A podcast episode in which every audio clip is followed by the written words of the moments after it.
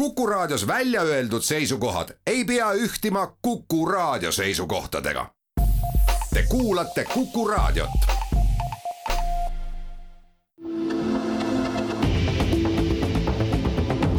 kahevahel.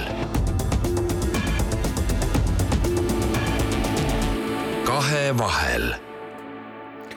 tere, on reede keskpäev ja vestlussaate Kahevahel aeg stuudios on ajakirjanikud Timo Tarve ja Ainar Ruussaar ja meie kahe vahel on täna Riigimetsa Majandamise Keskuse juht Mikk Marn, tere! tere, rõõm tagasi olla! kuulajatele veel teadmiseks või meeldetuletuseks, et Mikk Marran on töötanud Eesti esinduses NATO juures, olnud Kaitseministeeriumi kantsler, Välisluureameti juht ja Riigimetsa Majanduse Keskust juhib ta novembrist kaks tuhat kakskümmend kaks ehk viimased pool aastat, õigus? just nii Mikk, ma eeldan, et sellised seene- ja metsamiku naljad teile enam naljakad ei ole ja loeme sellest välja, et selle poole aastaga olete ametisse ilusti sisse elanud. no kui on ikka hea nali, siis ma jätkuvalt muigan, ega ma mingisuguseks kuivikuks muutunud ei ole aga te olete üsna elavalt kirjeldanud, kuidas te asusite kandideerimisotsust juba tehes dokumentidega RMK lehel tööle, tutvumaks siis asutuse endaga, nüüd olete läbinud lisaks dokumentidele ka mitmeid koolitusi, saanud reaalselt põllul ehk metsas käia, toimetada, kummikud on standardvarustuses, mis on teie tähelepanekud meie riigimetsast ja Eesti metsast tervikuna, on siis olukord nii halb, kui metsakaitsjad meile manavad ja üle päeva Postimehest lugeda saab? Nii palju küsimusi korraga. no kõigepealt ütlen, et esimesed kuud on, on läinud lausa lennates, et ma märkamatult äh, olengi jõudnud seitsmendasse või juba kaheksandasse töö töökuusse RMK-s ja, ja väga palju on juhtunud, väga palju olen Eestis ringi sõitnud, näinud uusi inimesi, uusi kohtasid, mida, millega ma varem tuttav ei ole olnud. olen püüdnud oma inimestega tuttavaks saada äh, olen püüdnud nende rõõmudest ja muredest aru saada, erinevate koostööpartneritega kohtumised loomulikult Äh, väga palju energiat on mul läinud äh, uue meeskonna moodustamisele, meil on väga hea tiim kokku saanud, kolm nädalat tagasi alustas ka metsamajanduse uus juhtkonna liige Erko Soolman, kes on viimased kümme aastat teinud erasektoris tööd ja tuleb uue ägeda kogemusega. Äh, väiksed struktuurimuudatused on juba sisse viidud, olen käivitanud uue strateegia loomise, mis peaks valmis saama oktoobris. Äh, olen äh, püüdnud äh, promoda mõtet, et meil on üks RMK, et RMK erinevad tiivad peaksid omavahel rohkem rääkima, et ei ole nii, et looduskaitsega tegelevad ja siis metsamajandusega tegelevad, et meil on hea teadmine, et teeme, teeme rohkem koos. olen püüdnud ka esimesi samme astuda RMK maine parandamiseks, me oleme vastu võtnud uue puiduturustu strateegia, kõik tingimused on avalikud, kõik hinnad saavad olema avalikud järgmisest aastast Äh, püüame kõikidele küsimustele vastata ja püüame kõikidele küsimustele vastata nii, et ka küsija aru saab, mida me tahame öelda, et me ei räägi ainult väga süvitsi minevates metsamajanduslikes terminites, vaid püüame asju lihtsustada. ma olen püüdnud ka ise oma tegevusi kajastada sotsiaalmeedias, et, et RMK asutusena ma ka ise oleksin Eesti rahvale lähem, äh, lähemal ja nagu sa, Timo, juba mainisid siis mina kindlasti jätkan ka enda harimisega, et äh, Luua metsanduskoolis on väike kursus läbitud, iga kuu kohtun vähemalt korra Maaülikooli teadlastega, püüan läbida ka Tartu Ülikooli inimestega, et hoida ennast äh, kursis ja, ja, ja viia oma nii-öelda taustsüsteem äh, õigele tasemele. no mida ma olen kõigepealt märganud, on see, et RMK-s töötavad väga professionaalsed inimesed, kes teevad väga head tööd ja nad teevad seda tööd pika perspektiiviga ja ma arvan, et metsanduse äh, nii põllumajanduse kõige suurem vahe ongi see, et meil ei ole tegemist üheaastaste taimedega, et kui me räägime metsast, metsa istutamisest, siis metsa panevad kasvama need inimesed, kes tõenäoliselt ei näe, kuidas sellest metsast saab kapp või tugitool või viiul. lihtsalt metsatsükkel on nii palju pikem, me räägime umbes sajaaastasest äh, perioodist. Aga, aga selgelt inimesed on, on südamega asja juures ja, ja tahavad tagada äh, metsa nii meile kui ka järeltulevatele äh, põlvkondadele kas me võime keskeltläbi öelda, kui vana on üks raieküps puu, ma ei räägi mingitest teeäärsetest lepikutest, vaid ikka puust, mis kasvab selline, metsas. kohe selline purakas alguses, jah? ei, mis purakas? no ma püüan nüüd oma teadmisi äh, meenutada võtame siis männi, teatavasti tuleb seal arvesse võtta ka boniteeti. mis on need metsa kasvukoha tingimused? boniteet on esimesest boniteedist kuni viienda boniteedini, esimene boniteet kõige parem, viies siis kõige kehvem. ja kui me räägime männist, esimese boniteedi mänd on haieküps üheksakümne aasta vanuselt ja äh, viienda boniteedi mänd siis sada kümme. mina mõtlesin, et see on kakskümmend viis aastat. ei ole nii kuusk kaheksakümmend esimese boniteedimetsades, üheksakümmend viiendas. haab kolmkümmend, tuleb siis sinu pakutule lähemale. Ja viienda boniteediga haavikutes siis viiskümmend aastat, aga äh, nagu sa targalt mainisid, on võimalik raiuda ka nooremalt, aga sel juhul peab siis äh, puude nii-öelda rinnast diameeter, diameeter vastama äh, keskkonnaministri poolt kehtestatud määrusele. Ja näiteks männi puhul on see kakskümmend kaheksa sentimeetrit, kuuse puhul kakskümmend kuus ja kask, kui ma nüüd ei eksi, on vähemalt, peab olema vähemalt kuusteist sentimeetrit elegantne vastus, Tarkade klubi kiidab. meenutame, mis on Riigimetsa Majandamise Keskuse põhiülesanded, ega tavakuulaja väga ju ei viitsi süüvida sellesse, talle meeldivad väga aegviidust alguse saavad metsarajad, RMK rajatud, aga mis asi on see metsa majandamine? see mõiste juba iseenesest on hästi segane mm. -hmm. no meie jaoks alusdokument äh, on äh, metsaseadus ja loomulikult ka RMK põhimäärus. RMK põhimääruses on asjad palju detailsemalt kirjas, aga kui nüüd vaadata metsaseadust, on lihtsustatult RMK-l viis äh, põhiülesannet. esiteks metsakorraldus ja metsakorraldus lihtsustades tähendab seda, et me teeme erinevaid tegevusi selleks, et me teaksime võimalikult täpselt, mis on riigimetsa seisund, mis on riigimetsa varu ja, ja kus see riigimets äh, paikneb ülesanne number üks, siis metsade korraldamine. teiseks äh, metsade majandamine, põhimõtteliselt seemnest kuni raieni, kogu metsa elutsükkel on RMK vastutada Eesti riigi metsades. ülesanne kolm on metsamaterjali müük, me teeme seda läbi äh, tavapäraste oksjonite, aga ka läbi kestvuslepingute, meil on raamlepingud, et tagada ettevõtetele ähm, pidev äh, puiduvoog Äh, neljandaks, äh, meie ülesanne on ka loodusväärtuste kaitse, me teeme looduskaitsetöid, äh, vääriselupaigad, soode taastamine, põlula kalakasvandus ja nii edasi.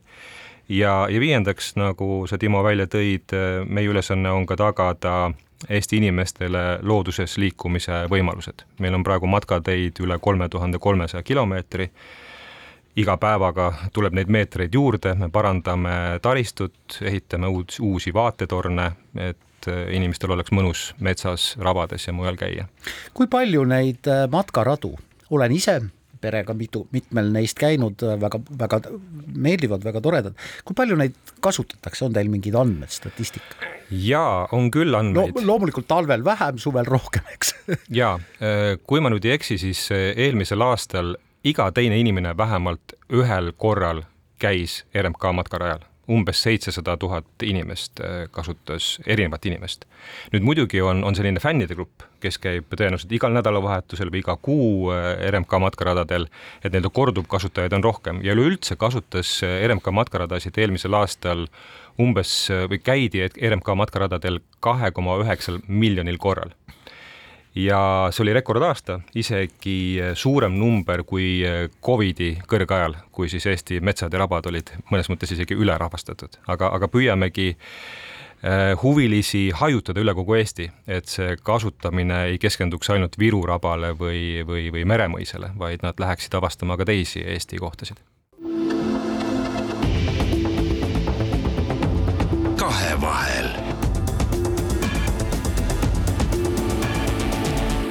kahevahel.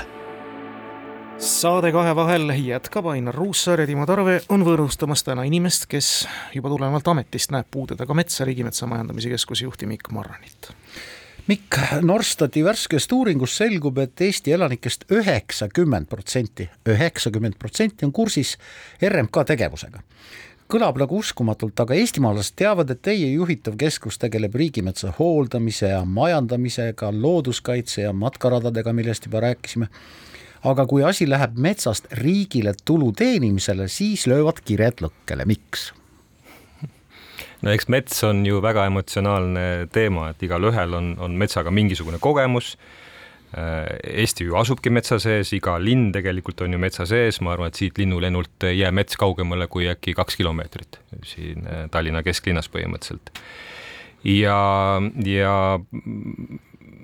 kui mets maha võetakse, visuaalselt äh, pilt ju muutub ja esimese aastate pilt, kui me räägime näiteks lageraiest, tõesti ei ole kõige meeldivam aga ma eile kohtusin ühe oma töötajaga, kes väga hästi ütles, et mets ei kao, vaid mets muutub. et tegelikult, kui me vaatame raielanki kahe aasta pärast, siis seal on uus mets kasvamas. oot, oot, oot, oot, see tuleb nüüd lahti seletada, mida tähendab metsa muutumine, kui mets maha võetakse siis minul õpetati küll juba esimeses klassis, et siis on loomadel halb olla ja nad lähevad mujale. aga vaarikad Ehk, lähevad kasvama. jah, aga et, et see mets, ükskõik kui kaua ta kasvab, viiskümmend aastat, kaheksakümmend aastat, see ju puudutab ka elu selles metsas. no elu erinevates vormides loomulikult puudutab see, aga see elu ka transformeerub, nagu Timo väga targalt mainis, vaarikad saavad uue võimaluse liblikateadlastel ei ole paremat kohta, kus oma fookusteemat vaadelda kui, kui raielank. Ja, ja veel kord, kui me vaatame seda lanki nelja-viie aasta pärast, siis me saame tõdeda, et seal on uus mets. keskmiselt nelja koma kuue aasta jooksul mets uueneb.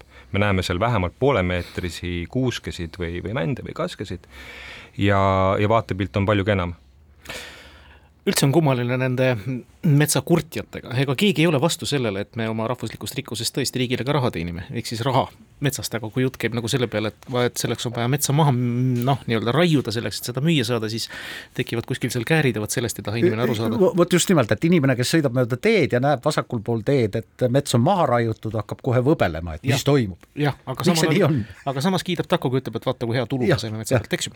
jah, ja me rõõmuga istume siin laua taga, mis on minu meelest puit last jaa, plaat. jaa, vot ei tea, kas Väga on Karjala või kust.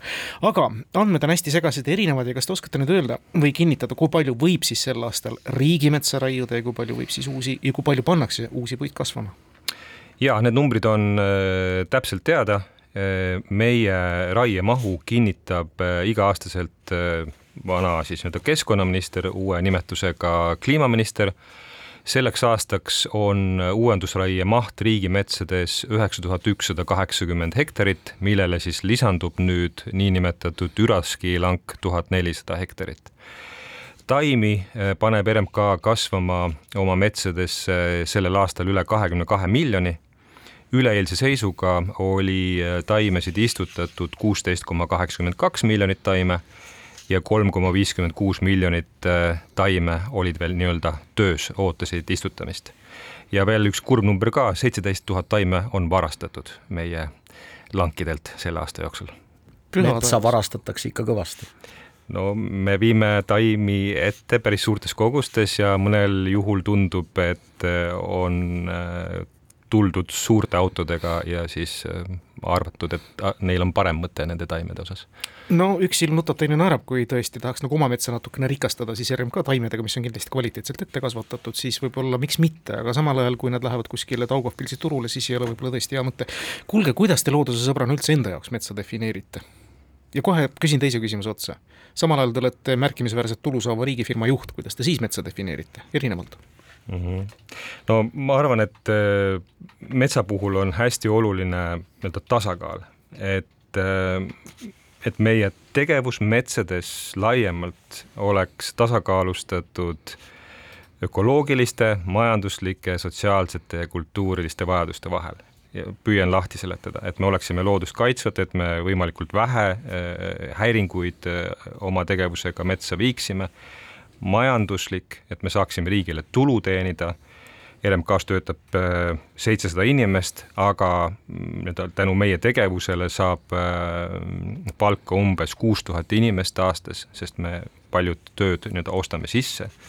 sotsiaalsed väärtused, me rääkisime matkaradadest, see on meie korraldada, kultuurilised äh, väärtused ja vajadused, mm, vääriselupaigad, pühapaigad muud mälestised, mis, mis metsas on, need peavad olema omavahel tasakaalus ja, ja, ja mulle kui loodusesõbrale, mulle kui metsamajandajale ongi just see tasakaal kõige, kõige olulisem äh, nii-öelda punkt, et kõike tuleks teha mõistlikult tasakaalustatult. Mikk, ma tulen korra selle metsavarguse teema juurde tagasi, et kas siis metsavahti ei ole enam, et hommikul ärkab ülesse, teeb oma kohvi või tee, paneb püssi selga ja läheb metsa, mille üle ta peab valvet pidama. jah, selliseid klassikalisi metsavahte enam RMK-l ei ole ja, ja sisuliselt ei ole nende järele ka vajadust, sest äh, need klassikalised metsavargused, äh, ma ikkagi arvan ja loodan, jäid üheksakümnendatesse. Äh, nüüd seesama seitseteist tuhat taime, me ei räägi siin nii-öelda puude maharaiumisest ja nende ebaseaduslikust väljaviimisest metsast, vaid need olid taimed, mida tõenäoliselt oli natuke lihtsam lihtsam varastada. aga meil on väga tublid äh, metsaülemad, keda juhib äh, pea, peametsaülem Andres Sepp ja nemad äh, minu kõnepruugis on RMK saadikud erinevates Eesti kohtades, kes peavad olema RMK tegevustega kursis ja neid selgitama mm, erinevatele inimestele, rääkima läbi kodumetsade majandamise rääkima läbi eh, teede kasutamise võimaluse ja, ja kõik muud eh, teemad, et nad, nemad on eh, RMK silmad ja kõrvad koha peal, lisaks siis erinevatesse regioonides toimetatav, toimetavatele inimestele mina olen segaduses ausalt öeldes. Need, kes väga kirgliselt ja emotsionaalselt, noh, sest mets on emotsionaalne teema, räägivad ja kaitsevad metsa, ütlevad, olukord pole kunagi nii hull olnud kui praegu raiete osas. teisipidi ütlevad need, kes äh, on asjaga kursis, et meil pole kunagi metsa nii palju kasvanud kui nüüd, neil aastatel, kuidas siis on? meil on metsa ja Eesti mets on, on heas seisus, kui me võrdleme Eesti metsastatust äh, saja aasta taguse seisuga, siis, äh, siis oli metsaga kaetud alla kolmekümne protsendi Eesti pindalast, nüüd me räägime umbes viiekümnest protsendist Eesti pindalast, mis on metsaga kaetud. Eestis on kaks koma kolmkümmend viis miljonit hektarit metsa Eesti metsades on nelisada kuuskümmend neli miljonit kuupmeetrit metsa Kui.... Need on suured numbrid. Need on suured numbrid, jah. isegi ei hooma. kui palju sellest maha võib võtta, ära müüa? RMK eelmise aasta raiemaht, mis tuli metsast välja, oli kolm koma seitse miljonit eh, tihumeetrit. aga ma toonitan siin, et RMK, vaatamata sellele, et meie hoida on pool Eesti metsamaast me majandame umbes kolmandiku või toome metsast välja umbes kolmandiku, et kaks kolmandikku nii-öelda raiesurvest on, on erasektoril. kui me räägime mahust umbes kümme, üksteist miljonit eh, kuupmeetrit aastas. ja seda teie kontrollida ei saa, seda kontrollib Keskkonnaamet? jaa, nii-öelda raielubasid või raieteatisi väljastab Keskkonnaamet Äh, siin vahetevahel arvatakse, et, äh, et RMK on selline riik riigis asutus, kes ise taotleb endalt lubasid, annab endale loa ja siis äh, toob ka nii-öelda puidu metsast välja, et absoluutselt nii ei ole.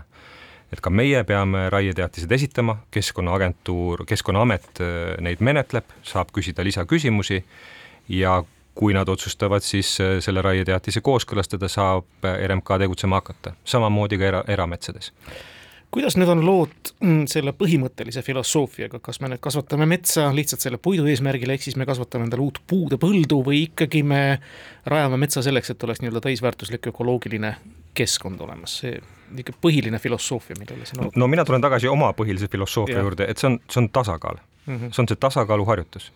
kõike peaks saama teha, me ei tohiks laskuda äärmustesse. kui meil on küps mets mis on äh, kasvama läinud või kasvama pandud kaheksakümmend, üheksakümmend aastat tagasi või, või vähem, see on praeguseks raieküps ja kui ta asub majandusmetsas, kui ta ei ole piirangutega metsas, kui ta ei ole looduskaitsealadel, siis seda minu arvates on mõistlik majandada, tuua see puit välja ja väärindada seda Eesti riigi äh, ettevõtetes maksimaalselt, et me saaksime riigile maksimaalselt suurimat tulu ja et me saaksime selle süsiniku sealt pikaaegselt talletada, on see siis laudades, parketis või, või viiulites kas natukene jookseb kultuurilooliselt ka piltlikult öeldes juhe kokku, kui hakata mõtlema, et täna raieküps mets on kunagi hakkama pandud ja istutama pandud pätsiojal? nii on ja nagu ma ütlesin, kui täna metsaistutajad istutavad metsa, siis tõenäoliselt nende lapsed või lapselapsed saavad seda majandada, sellest teha kestvustooteid, mitte nemad ise. kuulge, mis, mis putukas see ürask on, et, et üraski pärast tuleb hakata metsa maha raiuma? Mida no, ta teeb selle puuga, miks teda ei tõrjuta, rotte saab tõrjuda, ma ei tea, miks üraskit ei saa tõrjuda? tegemist on jah, üsna hullu elukaga, kes on saanud hoo sisse just äh, viimasel neljal-viiel aastal, äh, kui on olnud äh, väga põuased ja soojad suved. esiteks on kuuskede, kuused muutunud haavatavamaks, sest kuuskede juurestik on üsna nii-öelda pinnapealne, väike ja, ja kui on põuased suved, siis kuused nii-öelda muutuvad nõrgemaks ja, ja saavad üraskitele väga lihtsaks saagiks ja üraskid omakorda äh, Äh, toredad äh, sitikad on, on saanud äh, soojadel suvedel teha nii-öelda kaks lendlust, kaks põlvkonda sitikaid on viimastel suvedel tekkinud, mis tähendab, et nende armee on tohut-, tohutult suur ja, ja, ja pealetung on, on, on mastaapne. Ja praegu meie ülesandeks ongi see, et, et võimalikult mõistlikult ja, ja efektiivsete vahenditega püüda panna sellele piir. ma ei ütle, et et, et see, et see, et see võit on käegakatsutav, aga me, me tee, teeme erinevaid tegevusi, me viime metsadesse püünispuid, praegu tuuakse neid püünispuid välja. Me püüame nüüd välja tuua ka õrnalt kahjustatud puud, mida veel saab puidutööstuses kasutada, sest piltlikult äh, variant on selline, et kas me täna toome välja veel kvaliteetse puidu, mida saab näiteks ehituses kasutada, mida me saame müüa keskmiselt äh, võib-olla seitsekümmend, kaheksakümmend eurot tihumeeter, või me toome selle puidu välja järgmisel aastal, kui see kõlbab ainult äh, küttematerjaliks, hinnaga umbes kolmkümmend viis, nelikümmend äh, eurot kuupmeeter. ja minu meelest on mõistlik mm, kalduda esimesse suunda ja, ja teha, teha võimalikult mõistlikke otsuseid Mikk Marran, te olete öelnud, et RMK üks olulisi rolle on puiduturu stabiilsuse kindlustamine. selgitage, mida see tähendab? see tähendab seda, et RMK eh, toob mm, materjali metsast välja iga aasta eh, vastavalt siis meile kinnitatud eh, uuendusraie mahule, see on hektarites ja meie toome puidu metsast välja kuupmeetrites või, või, või tihumeetrites. ja me anname Eesti firmadele kindluse, et äh, siis suurusjärgus kolm koma viis miljonit kuupmeetrit on RMK poolt turule kogu aeg tulemas. ja turule me toome seda puitu nii siis, kui hinnad on kõrged ja me toome seda puitu turule ka siis, kui hinnad on madalad, täiesti põhjas, aga me tagame sellega stabiilsuse ettevõtetele, et nad saavad alati oma toormaterjali kätte. Erametsaomanikke käskida ei saa, erametsaomanikud tahavad teenida maksimaalset tulu ja nad tõenäoliselt majandavad metsasid agressiivsemalt siis, kui hinnad on laes ja tõenäoliselt ootavad paremat hinda, kui hinnad on all. RMK toob stabiilselt oma mahu turule. omalaadne OPEC. jah. teeme siin väikese pausi ja siis jätkame. kahevahel. Kahevahel Timo Tarve, Ainar Ruussaar jätkamas saadet Kahe vahel ja meie Kahe vahel on täna Kuku raadio otsestuudios Riigimetsa Majandamise Keskuse juht Mikk Marran. Mikk, äh, kuidas üldse kujuneb puidu hind turul, mis seda mõjutab? no laias laastus mõjutab seda nõudlus ja, nõudlus ja pakkumine. aga loomulikult puiduturgu mõjutavad ka sündmused maailmas. Eelmisel aastal oli ju väga hea näide, kui algas äh, Äh, Venemaa agressioon Ukrainas äh, läksid puiduhinnad väga kõrgeks, sest punkt üks ei olnud enam võimalik sisse tuua puitu Valgevenest ja Venemaalt teatud, teatud perioodi jooksul, tähendab sanktsioonid alg-, alg-, hakkasid kehtima mõni, mõni kuu peale sõja algust.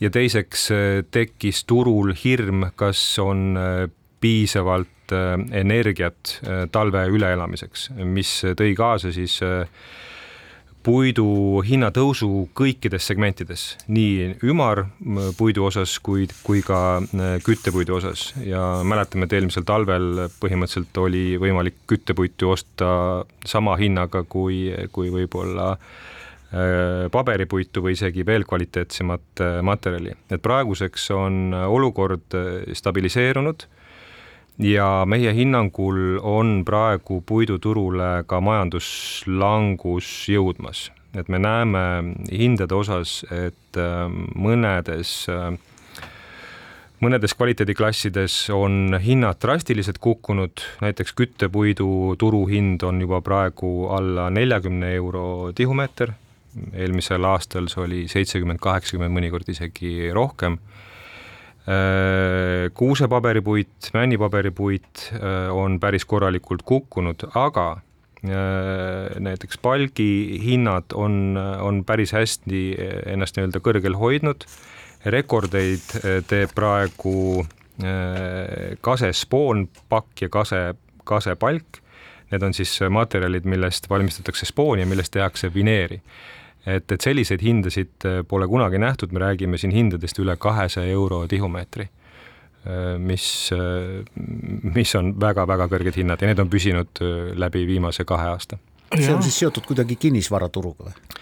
see võib olla seotud, see, see võib olla seotud ehitusega, aga see võib olla seotud ka näiteks LNG tankeritega, näiteks ma saan aru, et LNG tankerite vaheseinad, mõned on ehitatud vineerist ja, ja paistab, et nii mõnedki ettevõtted Balti riikide turul on saanud teatud tellimusi ja sealt siis on hakanud ka hind tõusma, neil on vaja materjal kätte saada, et oma tellimust täita.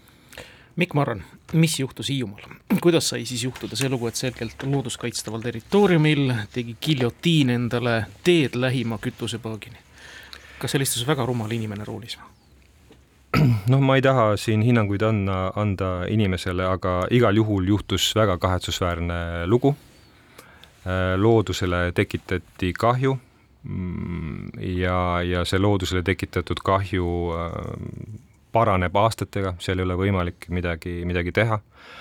aga tõenäoliselt jah, äh, inimene tegi rumala otsuse kahjuks äh, enne tegutsema hakkamist ta ei võtnud ühendust ei RMK töödejuhiga ega ka Keskkonnaametiga, et küsida, kas tema võib-olla esmapilgul tundunud hea mõte on, on mõistlik või mitte, vaid otsustas äh, tegudele asuda.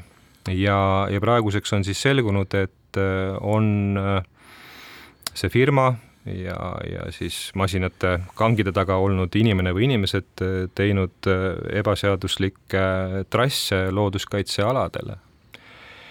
ja mm, me oleme võtnud seletuskirjad äh, sellelt firmalt, nad mõistavad oma viga, vabandavad, tunnistavad, aga loomulikult menetlusasutus on siin Keskkonnaamet, kes peab kõik faktid Äh, välja selgitama, välja selgitama kahju loodusele ja siis, äh, kui nad nii otsustavad, määrama ka mingisuguse karistuse sellele firmale.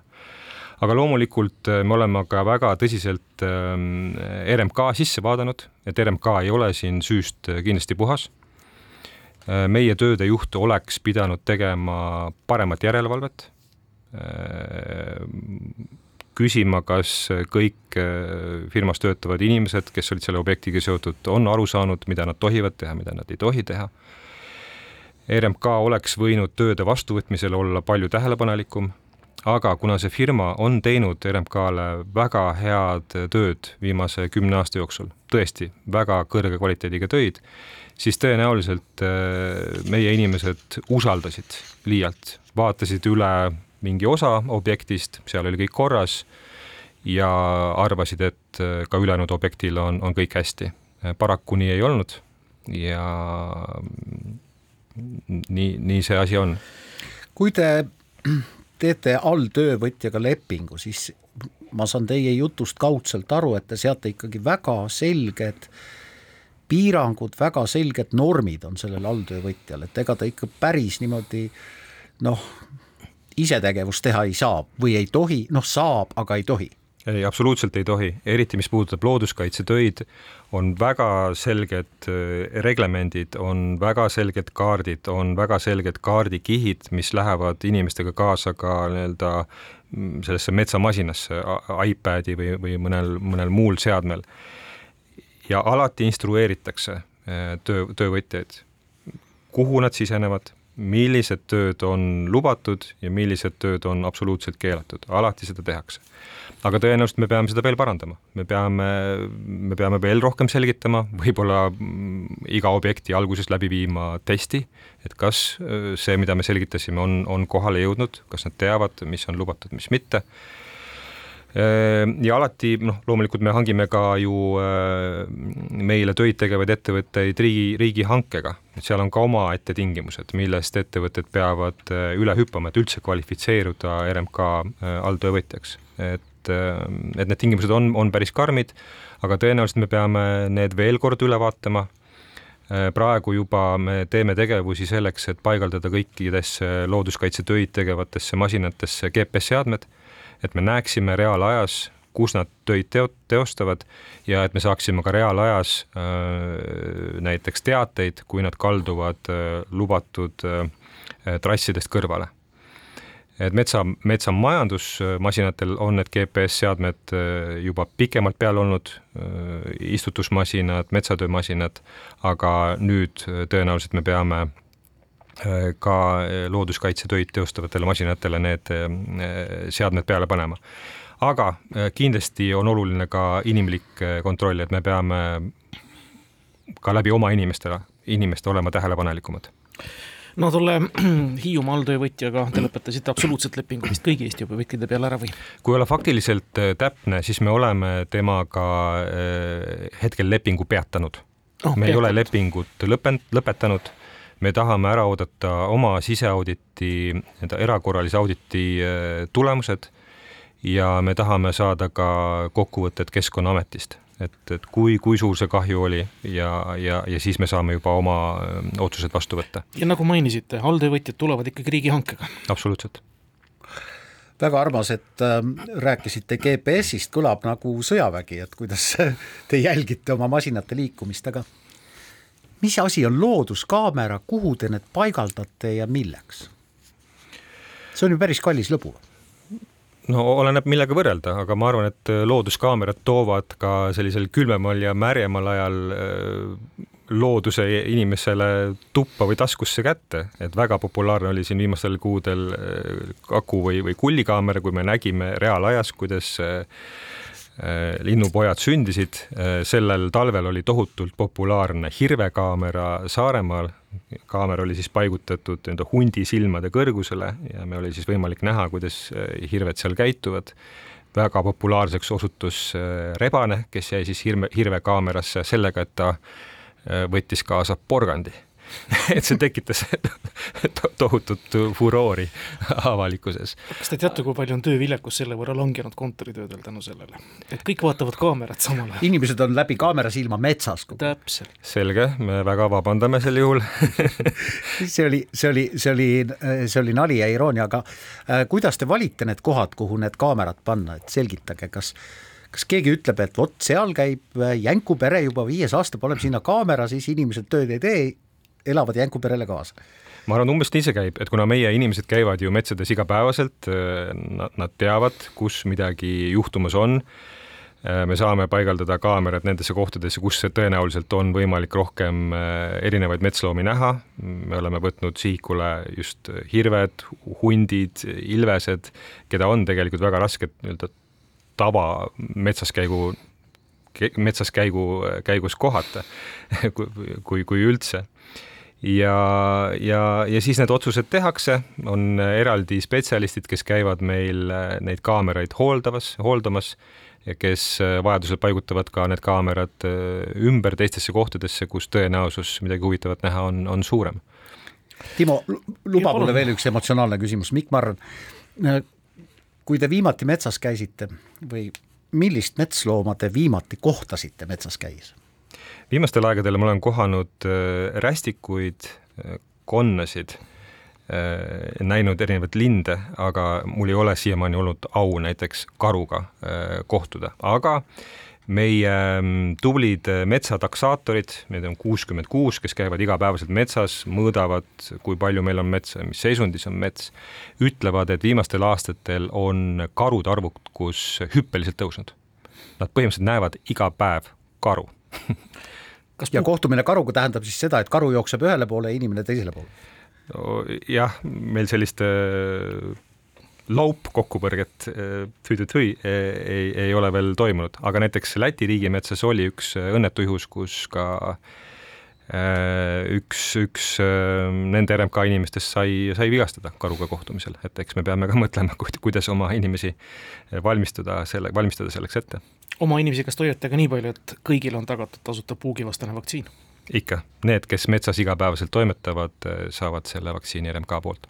kui me saame väga hästi aru, mis asi on vaktsiin, mis asi on kakukaamera ja kõik muu säärane, siis ma kardan, et selline mõiste kui ühtlase kasutuse lang on küll väga vähestele arusaadav ilmselt metsalangetajatele, metsakaitsjatele ja Mikk Marranile Need on keerulised terminid, aga mina alati püüan enda jaoks äh, neid ka lihtsustada, seal on palju valemeid taga aga kui me räägime näiteks arvestuslangist, siis äh, see termin on üsna lihtne. tegemist on siis lubatud raiete maksimaalse aastase pindalaga.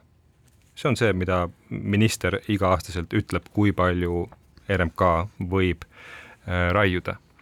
kui me räägime nüüd ühtlase kasutuse langist, mm, siis jälle ma püüan meelde tuletada oma, oma õpinguid, siis minu teada arutatakse see nii, et jagatakse puuliikide kõikide puistute pindala äh, keskmise lageraiet lubava vanusega ja sellele lisatakse veel viis aastat. see annab meile siis nii-öelda aastate või aastakümnete peale prognoosi, kui palju me raiuda saame või tohime. aa, no piltlikult öeldes riigieelarve strateegia siis, mitte riigieelarve konkreetse aasta kohta, aga riigieelarve strateegia. ma võtan selle paralleeli, jah? ja, ja, ja, ja kui me räägime meie metsakorraldusest, siis me ei vaata ette mitte ainult üks aasta või viis aastat, vaid äh, meie majas on graafikud, mis ulatuvad noh, sada, kakssada aastat edasi, et me juba praegu suudame prognoosida, mis on näiteks eh, RMK eh, arvestuslank eh, kahekümne aasta pärast, kolmekümne aasta pärast, neljakümne aasta pärast. Ja, ja ma võin juba etteruttavalt öelda, et kui sel aastal on arvestuslank üheksa tuhat ükssada kaheksakümmend hektarit, siis kolmekümne aasta pärast on see umbes seitse tuhat hektarit. lihtsalt sellepärast, et me praegu raiume neid küpseid, küpseid puistuid, mis läksid kasvama või pandi kasvama äh, neljakümnendate aastate lõpus, viiekümnendate aastate alguses, kui talukohad jäid tühjaks ja põldudel hakkas kasvama mets. hea kuulaja, andke mulle palun äh, minu küsimus andeks, kui see on rumal ja Mikk, teie ka. kas raielubasid antakse tihumeetrile või pindalale? Raielubasid antakse pindalale, kui me räägime metsa planeerimisest, siis me räägime alati hektaritest, kui me toome metsast midagi välja, siis me toome tihumeetrites või kuupmeetrites välja. ja nii on mõeldav ja arvutatav siis ka saagikus konkreetselt, nii nagu põllumeestelgi. just, äh, ja metsakorraldajad, kui nad käivad äh, eraldistel hindamas, siis äh, ka üks ruut, mille nad täidavad, on mitu tihumeetrit puitu hektaril on sellel maatükil ja see kõik oleneb jälle kasvukoha tüübist boniteedist ja, ja muudest äh, faktoritest. me saame nii targaks siin saates. seidime, seidi, seidime neid teadmisi vahepeal. tõmbame korra hinge, jah. kahevahel. kahevahel saade Kahe vahel, Ainar Ruussaar ja Timo Tarve on vestlemas Mikk Marraniga, harimas ennast ja loodetavasti ka kuulajaid kuulge, üks äh, vaidlus oli RMK-l enne teie aega juba Keskkonnainvesteeringute Keskusega, mis jõudis Riigikohtuni välja. mille pärast õigupoolest kohtus vaidlesite ja kas see nüüd on see koht, kus tuleb uuel juhil vana vastutust, vana eest vastutust võtta?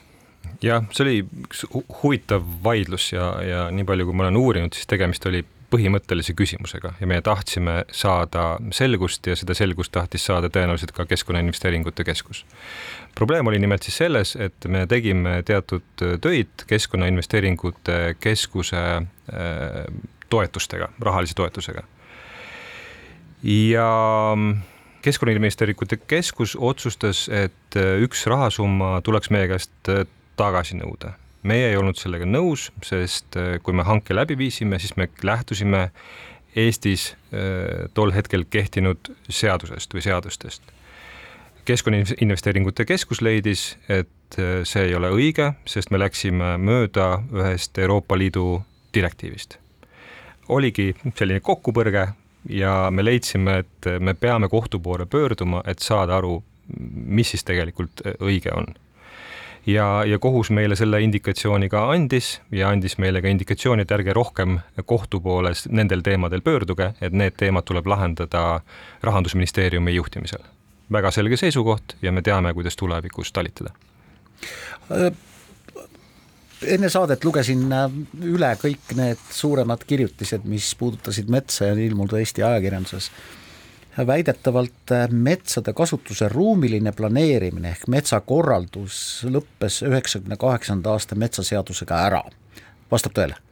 nii on kasutusele võeti selline termin nagu eraldisepõhine korraldus. oh, filoloogina hakkavad mul kõrvad liikuma, kas see tähendab siis seda, et me hakkame linna planeerima korteri tasandil või kuidas, mida see tähendab õigupoolest, mina ei saa sellest terminist aru ja ma arvan, et see ei ole linna planeerimine korteri tasandil, vaid võib-olla paralleel oleks linna planeerimine kruntide tasandil. see on arusaadavam, sest Nõmmel on krundid tuhat ruutmeetrit, kaks tuhat ruutmeetrit, linnas on võib-olla krundid väiksemad RMK-s või Eestis toimub metsa nii-öelda planeerimine eraldise põhiselt, need on siis põhimõtteliselt metsas olevad krundid, keskmiselt äh, ühe, ühe koma viie hektari suurused, mõned äh, on ka väiksemad, on ka mitmehektarilisi eraldisi. Ja need piirjooned on siis paika pandud metsakorraldajate poolt, sest nad näevad, et äh, seal on ühe, ühelaadne mets, loomulikult mets ei kasva ruudus aga Eesti metsaruudustik on tulnud sellest, et me oleme lähtunud nii-öelda äh, Saksa praktikast, kus kõik oli nii-öelda joonlauaga tõmmatud. ja teatavasti Eesti metsades on rajatud läbi aastakümnete, võib-olla läbi aastasadade nii-öelda kuivendussüsteemid ja need on joonlauaga tõmmatud, mis tähendab, et alati eraldise vähemalt kaks äärt või vähemalt üks äär ongi nii-öelda sirgjooneline.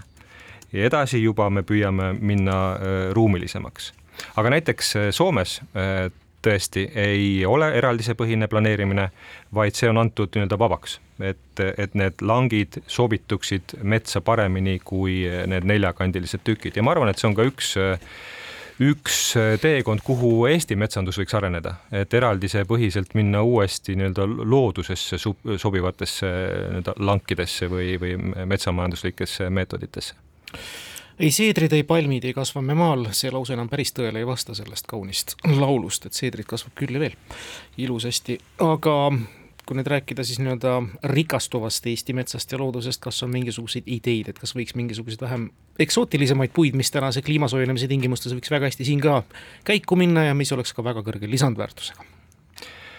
no RMK siiski hetkel öö, äh, on keskendunud püha kolmainsuse arendamisele. Nonii. Äh, mänd, kuusk ja kask mm. -hmm. et jätkuvalt kasvavad Eesti metsades äh, väga hästi. jah, viimastel aastatel oleme näinud, et äh, kuused on hellad, kuused on vastuvõtlikud üraskitele, aga nõudlus kuusematerjali vastu on jätkuvalt väga suur, tegemist on väga hinnatud puitmaterjaliga ja, ja kuused kasvavad ka kiiresti ja kasvavad väga, väga kõrgeks nüüd erinevaid äh, katseid äh, on teinud pigem äh, Maaülikool haabadega, et, et kuidas nad kasvavad nii-öelda nagu tööstuslikumas mõõtmes, on erinevaid teisi liike sisse toodud. aga, aga minu prognoos ikkagi on lähe, lähimateks aastakümneteks, et me noh, ikkagi suures mahus jääme selle püha kolmainsuse juurde. kas metsaseadus vajab muutmist? No seda kindlasti ei otsusta RMK. muidugi mitte, aga aga temalt tahetakse sisendit saada kindlasti. ja, ja kui on vaja nõu, siis RMK kindlasti, kindlasti seda, seda annab. ma saan aru, et koalitsioonilepingus on juba kokku lepitud, et metsateadus, metsaseadus muutmisele läheb me veel ei tea täpselt, mis paragrahvid muutuma hakkavad, mis teemad sisse tulevad, aga kindlasti RMK on valmisolekus, kui on vaja meie nõu, meie ekspertiisi, siis me seda kindlasti, kindlasti pakume kuulge, see metsanduse arengukava, huvitav, kas ta jääbki nüüd vastu võtmata kõigi põlvede kiuste, hoolimata sellest, et erinevad koalitsioonid tulevad ja lepivad midagi justkui kokku, minu arust äh, juba selle algusaegadest see metsanduse arengukava aeg peaks juba kätte jõudma, see tärmin, see tagumine tärmin. aga teda pole ikka vastu võetud. jah, näiteks äh, RMK on oodanud viimased kolm aastat metsanduse arengukava äh, selleks, et alustada oma arengukava koostamist ja seetõttu me oleme oma kehtivat arengukava viimased kaks aastat edasi lükanud. nüüd eelmisel aastal eh, me otsustasime RMK-s koos RMK nõukoguga, et saagu mis saab metsanduse arengukavast, et RMK peab uue strateegia kokku panema. ja sellel teekonnal me, me hetkel ka, ka oleme nüüd, mis puudutab metsanduse arengukava, mina väga loodan, et see siiski vastu võetakse, koalitsioonilepingus on sellekohane lause, et seda tehakse, aga tõenäoliselt kevadhooajal seda mitte mingi ei ole mitte mingisugust võimalust, et see vastu võetakse. et lootused on siis eh, Riigikogu sügishooajal. eraldi küsimus on, kas selle vastuvõtmiseks see kava avatakse uuesti või ta võetakse vastu praegusel kujul nagu ta eelmisel aastal valitsuse poolt Riigikokku saadeti. mida see metsanduse arengukava siis õigupoolest peaks nagu tähendama, kas see on nagu mingisugune me-, metsa, metsamajandamise või rohelise metsa põhiseadus, mis asi see on? ma, ma arvan jah, umbes, umbes äh, nendes joontes, nagu sa pakkusid, ta peaks andma signaali nii äh, riigimetsale kui ka erametsaomanikele, mis on nii-öelda riigi, riigi tahe või, või soov, kuhu see sektor võiks järgmisel viiel-kümnel aastal areneda? kas lendorava populatsiooni kasv riigimetsas teile Riigimetsa Majandamise Keskuse juhina on hea või halb uudis? see on ikka hea uudis, lendorav on aga siis läheb jälle väga üks... oluline loom. ei, absoluutselt, aga kui keegi näeb lendoravat või leiab ähm, siis on jälle kaks hektarit muret kasvamas edasi. kui, kui me leiame, siis tööd peatatakse ja tehakse kõik selleks, et lendorav oleks õnnelik. kuulge, välisluure juhina välisluureamet ootas alati ju Vabariigi Valitsuselt tellimust, noh sisendit mingisuguse informatsiooni hankimiseks. nüüd olete te Riigimetsa Majandamise Keskuse juht ja kas põhimõtteliselt on amet seesama, et te ootate riigilt noh, tellimust, ütleme teatud tihumeetrite täitmiseks ja, ja mingite seatud eesmärkide saamiseks või olete siin valikus nagu rohkem vaba? no ikkagi riigis on tööjaotus, et on asutused ja inimesed, kes teevad seadusi on asutused, kes teevad otsuseid, kes annavad äh, juhiseid, aga mina olen arvanud nii Välisluureameti juhina kui ka RMK juhina, et, et alati nendel asutustel on, on õigus ja ka kohustus anda nõu. et äh, kui seda küsitakse, mõningal juhul ka siis, kui seda võib-olla ei küsita, aga kui me peame vajalikuks midagi arvata. näiteks Välisluureamet arvas äh, ka, millist infot võiks Eesti riigil rohkem või vähem vaja olla, aga otsuse tegi loomulikult Vabariigi Valitsus. samamoodi metsanduse arengukava või, või metsaseaduse muutmise osas me saame oma parima teadmise pakkuda, aga otsuse teeb ikkagi Riigikogu. kui peaks näiteks kliimaministril tulema mõte, et istutame kogu Eesti ranniku täis sekvoiasid, siis te ei tee seda pimesilmi te ütlete, et armas minister, mõtle nüüd natuke järgi? jah, me ütleksime, armas minister, pea hoogu hästi lühidalt, ähm, väga paljud minu kolleegid ütlesid, ei ole võimalik, kui Mikk Marran, luurejuht, läks Riigimetsa Majandamise Keskuse juhiks. hästi lühike vastus, olete rahul? ma olen väga rahul aga loomulikult ma mõtlen ka, kuidas nendel seal Välisluureametis läheb jälgin äh, sõjakulgu, hoian pöialt ukrainlastele, mõtlen kaasa, mõnikord, mõnikord avaldan ka arvamust. ja see on nii tore, et uus amet annab võimaluse kõiki metsa saata ja seda üldse mitte halva tagamõttega, aitäh, et te tulite, Mikk Marran ja jõudu-jaksu teie ametis! aitäh kutsumast!